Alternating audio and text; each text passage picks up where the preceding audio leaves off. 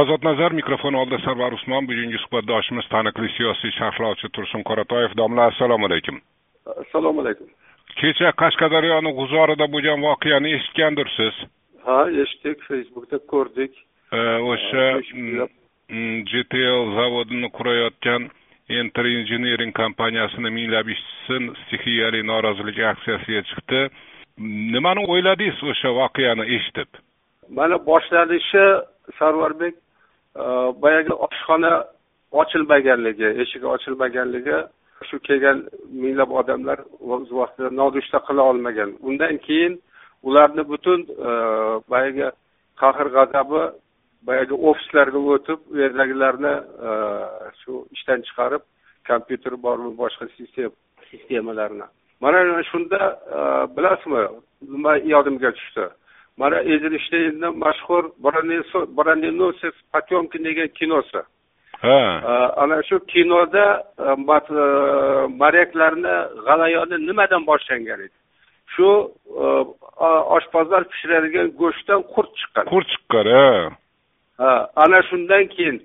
Endi bu boshlanish bahona bo'ldida ularda demak boyagi matroslarga kattalari tomonidan ofitserlari tomonidan Э, ma'qul munosabat bo'lmaganligi hammasi tashqariga chiqib ketdi.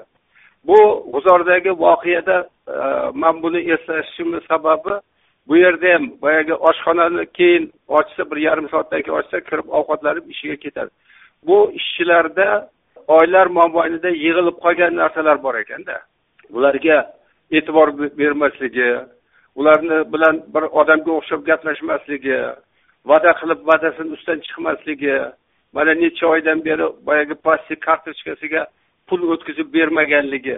Mana shular hammasi yig'ilib yurgan mana shu oshxonani ochilmaganligi o'z vaqtida. O'z vaqtida nonushta qilmaganligi bu oxirgi nuqta bo'ldida bularni boyagi qahr g'azabini tashqariga chiqishiga.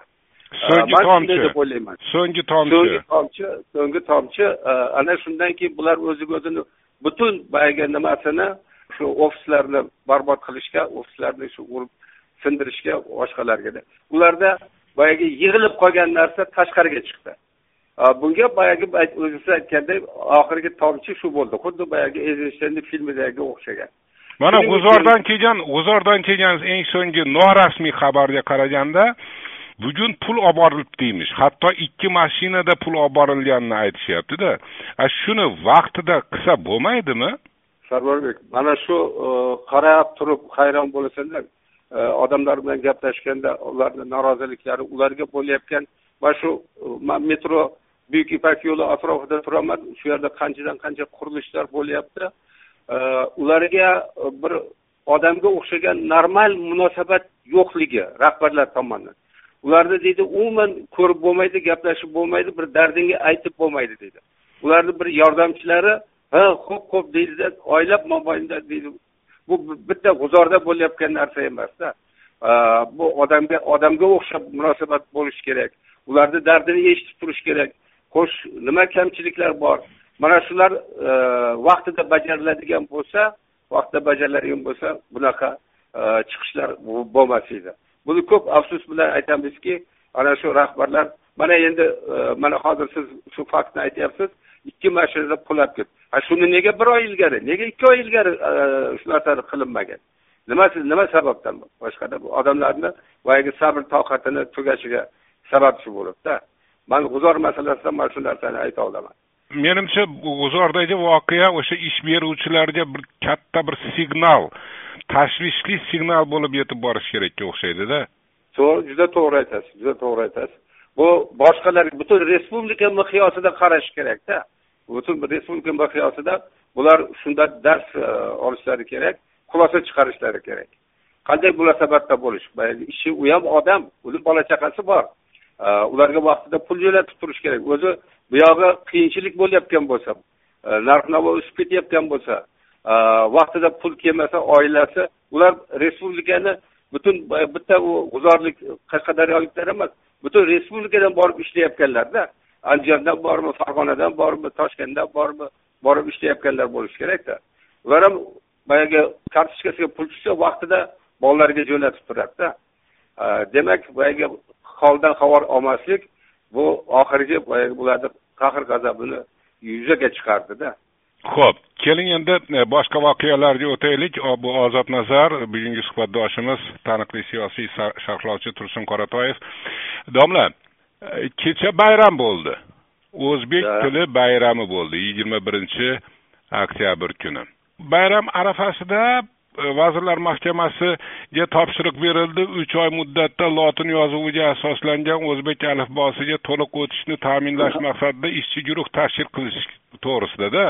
Yo'l xaritasini ishlab chiqarkanda va keyin e, prezident administratsiyasiga kiritar ekan o'sha ishchi guruh lotin alifbosiga o'tish bo'yicha. Men tushunmayapmanda to'qson uchinchi yil ikkinchi sentyabrda bundan yigirma yetti yil oldin qabul qilingan lotin yozuviga asoslangan o'zbek alifbosini joriy etish to'g'risidagi qonun qabul qilingan. Yigirma yetti yil burun. Yigirma yetti yildan beri millat ikki yozuvli. Shu qadar qiyinmi? Birato'la o'tib olish. Nima uchun yana ishchi guruh tuzilishi kerak? Nima uchun? U u uch oy muddat ichida yana yo'l xaritasi tuzish kerak. Shuni tushunmayapman. Mayli u tomoni e, hammamizni ham bir hayron qoldiradi. Nima uchun shu narsa?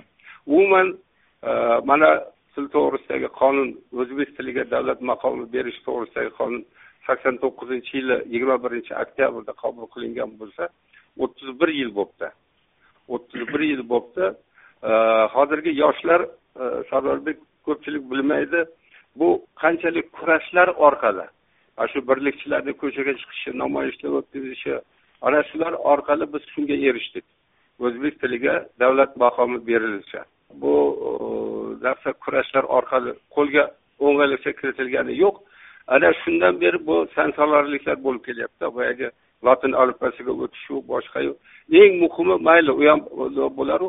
Butun biz mana shu vazirliklarda boshqalarda boshqa joylarda asosan rus tilida ish olib borilyapganda o'zimizni ona tilimizga shunchalik kurashib e, shu davlat maqomi berishiga erishdiku lekin buyog'ini paysalga solib o'zimiz. Qaysi poliklinikaga borsang ham eshigida boyagi ruscha e, yozilgan. Mehmonxonaga borsangiz ham shu yerda magazinga borsangiz ham ana shunday. O'ttiz bir yil ichida shunday qilib. Mana e, rasul gamzatovni dog'istonlik yozuvchi rasul gamzatovni mening dog'istonim degan e, asari bor. Ana shunda e, rasul gamzatov juda taniqli yozuvchi bo'lganligi uchun chetga chiqib boshqa qilgan delegat parijda bo'lib qaytganidan keyin bir uzoq ovuldan bir onaxon keladi. Yoshi katta kelib rasul san parijda bo'libsan. Shu o'ttizinchi yillari mani o'g'lim chetga chiqib ketgan edi. U bilan qaysi tilda gaplashdinglar desa onaxon biz tarjimon orqali gaplashdik desa rasul mani unda ona tilini o'rgatgan o'g'lim yo'q deb omin deb chiqib ketgan ekan. Qarang ona tiliga qanchalik e'tibor berilishida biz bu yerda e, o'zimiz toshkentda ayniqsa unutvordik. Unutvordik shu boyagi butun e, yozuvlar boshqalar tushadigan hujjatlar rus tilida. Man o'n besh yil ikki ming beshinchi yilgacha oliy majlisni ishlarini olib bordim. Ana shunda qonun loyihasiga bunday qarasangiz avvaliga rus tilida yozilganligi ko'rinib turardi rus tilidan keyin o'zbek tiliga tarjima qilingan hozir ham ana shu ahvol davom etyapti. Hamon davom etyapti. Afsuski faqat shu yigirma birinchi oktyabrda e, til to'g'risida qonun qabul qilingan deb shuni nishonlaymiz. Shu paytda ura ura qilamiz. Mana mana shu hozir aytganingizdek komissiya tuzilib uch oy mobaynida ishlab chiqish kerak deb e, ertagayoq u narsa unutilishiga mani ko'zim yetib turibdi. O'ttiz bir yil ichida shu narsani biz mahkam ushlamasdan e, o'zimiz qo'limizdagi bayroqni berib qo'ydik. Э, til masalasida mani mulohazalarim shundan iborat endi mana e, o'sha bayram arafasida e'lon qilingan hujjatda aytilishicha yigirma birinchi yil birinchi apreldan boshlab o'zbek tili va adabiyoti bo'yicha bilimni baholashning milliy test tizimi asosida rahbar kadrlarning davlat tilida rasmiy ish yuritish darajasi aniqlanadi deyilyapti. E, bunga ham shubha bilan qaraysizmi e, shundoq qilinishiga? To'g'ri mana shu o'ttiz bir yil ichida shu qilinmagan ish yigirma birinchi yilni qaysi oy dedingiz yigirma birinchi yil birinchi apreldan boshlab o'sha amaldorlarni davlat tilida ish yuritish darajasi aniqlanarmish. Yo'q yarim yil ichida u narsa ko'zim ham yetmaydi. Buni majbur qilib ham yana shu boyagi o'z holiga tashlab qo'yilishiga mani ko'zim yetib turibdi. O'ttiz bir yil ichida biz mahkam ushlab ana shu vaqtida qabul qilingan nimalar bo'yicha o'zimiz shunday oqimga qo'yib qo'ydik bo'ldi. Undan hech kim xabar ham olgani yo'q hech kim so'ragani ham yo'q. Man ham shu uchun birinchi aprelda ularda kuchga kiradi deganiga ishonmayman. Unisiga ishonmadingiz bunisiga ishonmadingiz demak bu til bayrami degan narsalarni to'g'risi e, nima uchun bayram qilishimiz kerak ona tilimizni men ko'p ham tushunmay turibman ha mayli bu boshqa masala. E, o'sha til bayrami o'tkazilishi bayram arafasida shunday hujjatlar qabul qilinishi nima do'ndiryapmiz bajaryapmiz qoyil qilyapmiz degan bir piar aksiya xolosmi yo? Bunday gaplar. Xuddi shunday xuddi shunday. Buni man ishlab yurgan paytda ham aytib shunday qilganmizki nima uchun biz faqat yigirma birinchi oktyabrda eslaymiz nima uchun biz o'n ikki oy yil davomida shu to'g'risida gapirib shunday qilmaymiz nima uchun boyagi ko'chalarda мы открылись deb nima qilgan nega shularni televideniyaga olib chiqib tanqid qilib aytib boshqa qilib nomlarini boyagi ruscha yozilgan nomlarni o'zbek tiliga bu to'g'risida biz ko'rsatuvlar qilib boshqa qilganmiz. Shu bo'yicha e, bir joyda siljigan joyi bo'lgani yo'q. E, shu uchun man shubha bilan qarashim ham asosi shundan iborat. Ho'p boshqa mavzu. O'n to'qqizinchi oktyabr kuni prezident mirziyoyev yigirma birinchi yilga mo'ljallangan davlat byudjeti parametrlari muhokamasiga bag'ishlangan e, yig'ilish o'tkazdi. Video selektor yig'ilish. O'shanda sog'liq saqlash e, sohasiga ajratilayotgan e, pullar haqida gapirildi. Qarang yigirma birinchi yili sog'liqni saqlash sohasiga qariyb yigirma trillion so'm e, dollarda bir butun o'ndan to'qqiz milliard dollar. Shundan koronavirusga ha salkam ikki milliard dollar. Shundan koronavirusga qarshi kurash tadbirlari uchun uch trillion so'm taqriban ikki yuz to'qson million dollar. Hamda dori darmon xaridiga bir butun o'ndan sakkiz trillion so'm taqriban bir yuz yetmish to'rt million so'm e, dollar ajratilishi ko'zda tutilibdi. Endi siz taftish boshqarmasini xodimi yoki boshlig'i emassiz bu pullar mana e, yigirmanchi yili ham shunga o'xshagan katta pullar ajratildi koronavirusga qarshi. E, endi e, kelasi yilga yana shunaqa katta pullar ajratilyapti ekan. Siz hozir aytdim taftish komissiyasini taftish boshqarmasini boshlig'i emassiz bu pullarni sarflanishini tekshirganingiz yo'q. Lekin oddiy bir o'zbekistonlik sifatida shuncha ajratilayotgan sarflanayotgan pullardan samara bo'layotganiga bir qoniqish bormi sizda? Ishonch bormi? To'g'ri aytdingiz man u taftish komissiyasida emasman qayerga qancha sarflanyapti ularni hammasi oddiy odamlarga noma'lum. Shunga yaqin bo'lganlar ham buni tagiga yetib bo'lmasa kerak. Lekin endi mana shunday bir e, tahlikali vaziyatda bu narsaga bir boshqacha ko'z bilan qarash kerak emas. E, shuncha miqdordagi mablag'ga. Nimaki ertangi kunni o'ylab e, odamlarimizni sog'ligini o'ylagan holda ana shu to'g'ri nimaga ajratilgan bo'lsa dori dormongami boshqasigami shu yo'nalishda borishini tilaymiz faqat. Mana endi bunday bo'lyapti. Hozir endi ko'p vaqt uyda o'tiribmiz tashqariga chiqmasdan. E, saqlanish maqsadida u yoq bu yoqdan kelayotgan quloqqa kirayotgan gaplarda Э, joylarda noroziliklar shu narsa yetishmayapti bunday qaramayapti degan e, gap so'zlar e, ko'pchilik ichida aytilyaptida. Mana shuning uchun ana shu mablag'lar qo'liga borib tegadigan e, keyin u odamlarga tarqatadiganlarga insof bersin deyman. Sarvarbek boshqa nima deyishimiz mumkin? O'ylanglar millatimizni ertangi kunni o'ylab odamlarni sog'lig'ini saqlash ularni umrini saqlab qolish yo'lida faqat shu to'g'ri ishlashlarini e, mo'ljallangan qancha mo'ljallangan bo'lsa ana shu mo'ljalga e, maqsadga sarflanishini man ulardan tilab qoladim. Endi savol ham savol ham siz o'zingiz aytgandek o'sha eshityapmiz deyapsiz. Ijtimoiy tarmoqlarda e, juda ko'p postlar e'lon qilindi shu kungacha. Ozodlikka kelayotgan xabarlarda o'sha shikoyatlarda o'sha koronavirusga chalindimi yoki e, yaqinim chalindi mana buncha pul sarfladik u qildik bu qildik sarson bo'ldik degan gaplar juda ko'pda shundan paydo bo'lgan savol bu. To'g'ri to'g'ri to'g'ri. E, biz ham shu narsalarni eshityapmiz. E, lekin shu zangiotada ana shu gospital ochilgan paytda ishlagan mani tanishim u o'zi boshqa urolog vrach. U borib boshqa qilgan paytda bir oy ishladim deydi. Bir oy ishladim. Hamma narsa uskunalar joyida. Rossiyadan kelgan vrachlar ham yuqori baho berdi deb manga e, shu aytgan edi. Aytgan edi. Uni ham nimasi bir tomondan shunday bo'layotgan bo'lishi mumkin. Ikkinchi tomondan endi qayerda kamchilik yo'q? Qayerda kamchilik yo'q? Bu yerda ham e, ba'zi bir joylarda kamchiliklar bo'lishi mumkin. Boyagi aytgandek faqat shu insofini so'raymiz. E, boshqa ilojimiz yo'q. Ha yaxshi. Ozodnazar men sarvar usmon bugungi suhbatdoshim e, taniqli siyosiy sharhlovchi tursun qoratoyev. Domla endi ommaviy axborot vositalarida xabari berilmagan bir voqea.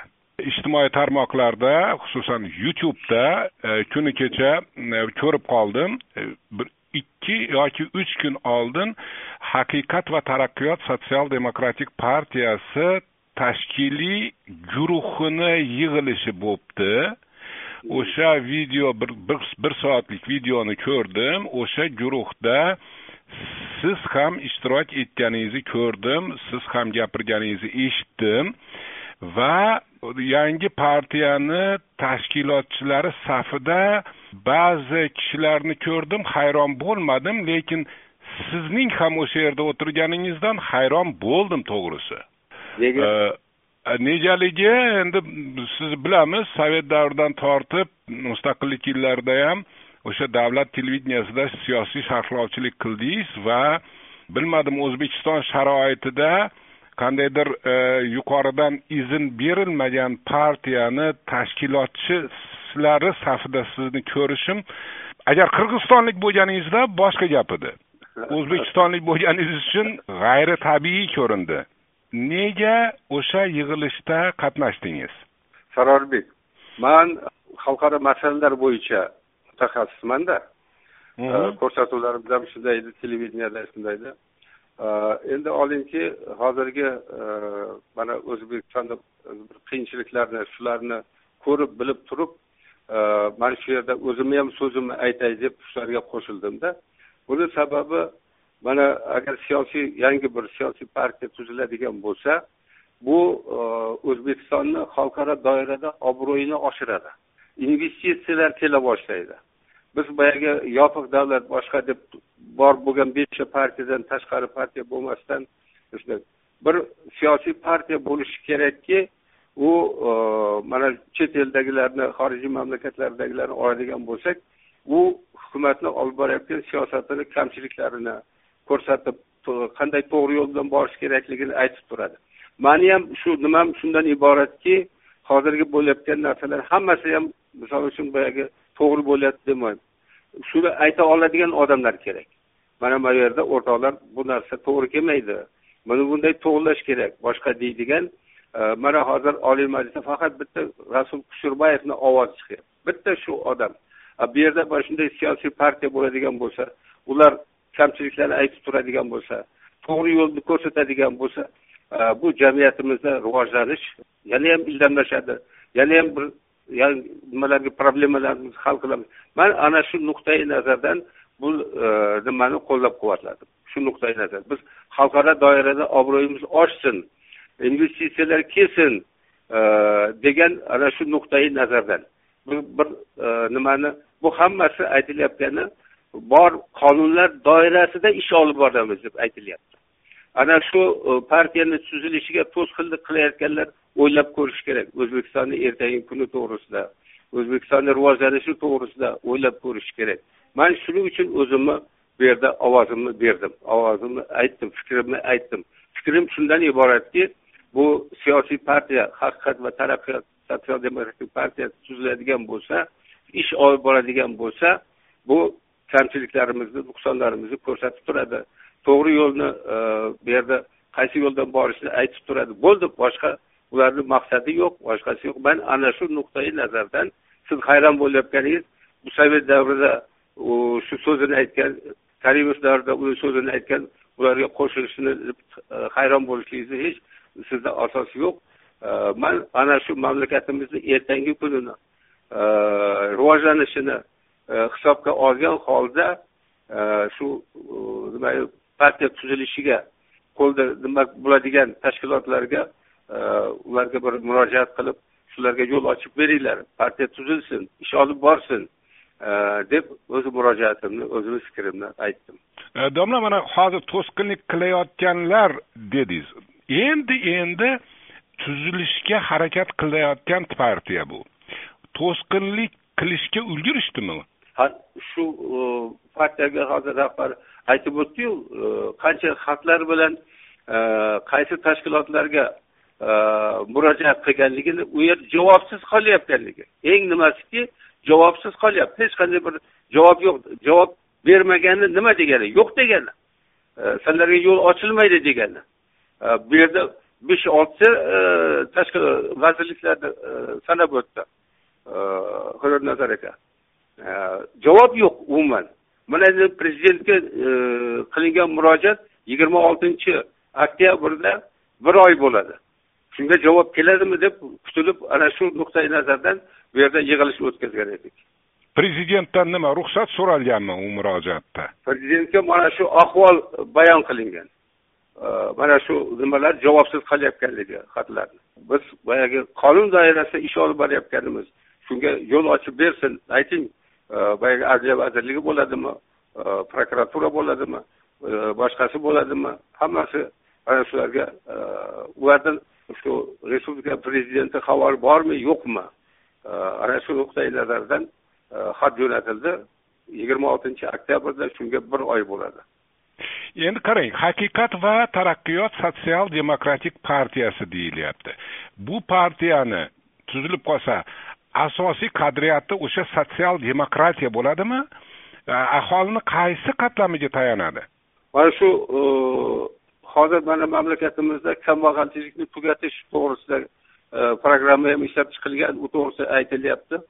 Ana shu qismini shu qismini haqiqatan qaysi yo'l bilan ana shuni barham topishi barham topishi. Bu boshqa hokimiyatga intilayotgani yo'q boshqasi yo'q. Ana shu bo'yicha bu iqtisodchi bo'lgan e, nazar akani o'zi qarashlari bor. Qarashlari bor. Qidirnazar alloqulovni nazarda tutyapsiz tinglovchimiz to'g'ri tushunsin. Ha ha. Shu yo'llari bor. Hozirgi e, nimani olib borilayotgani bo'yicha bu narsa maqsadga erishib bo'lmaydi. Man bu masalada nazar akaga to'liq qo'shilaman. Shu kambag'allikni tugatish bo'yicha. Bu asosiy sotsial demokratiya sotsial masalalarni hal etishda shu e, biz shu paytgacha kambag'allik degan so'zni ishlatgan emasmiz. Kam ta'minlangan oila deb kelingan ana shularni problemalarini hal qilishga qaratiladi tamom ozod nazariyada bugun taniqli siyosiy sharhlovchi tursun qoratoyev bilan gaplashdik. Rahmat sizga. Ho'p salomat bo'ling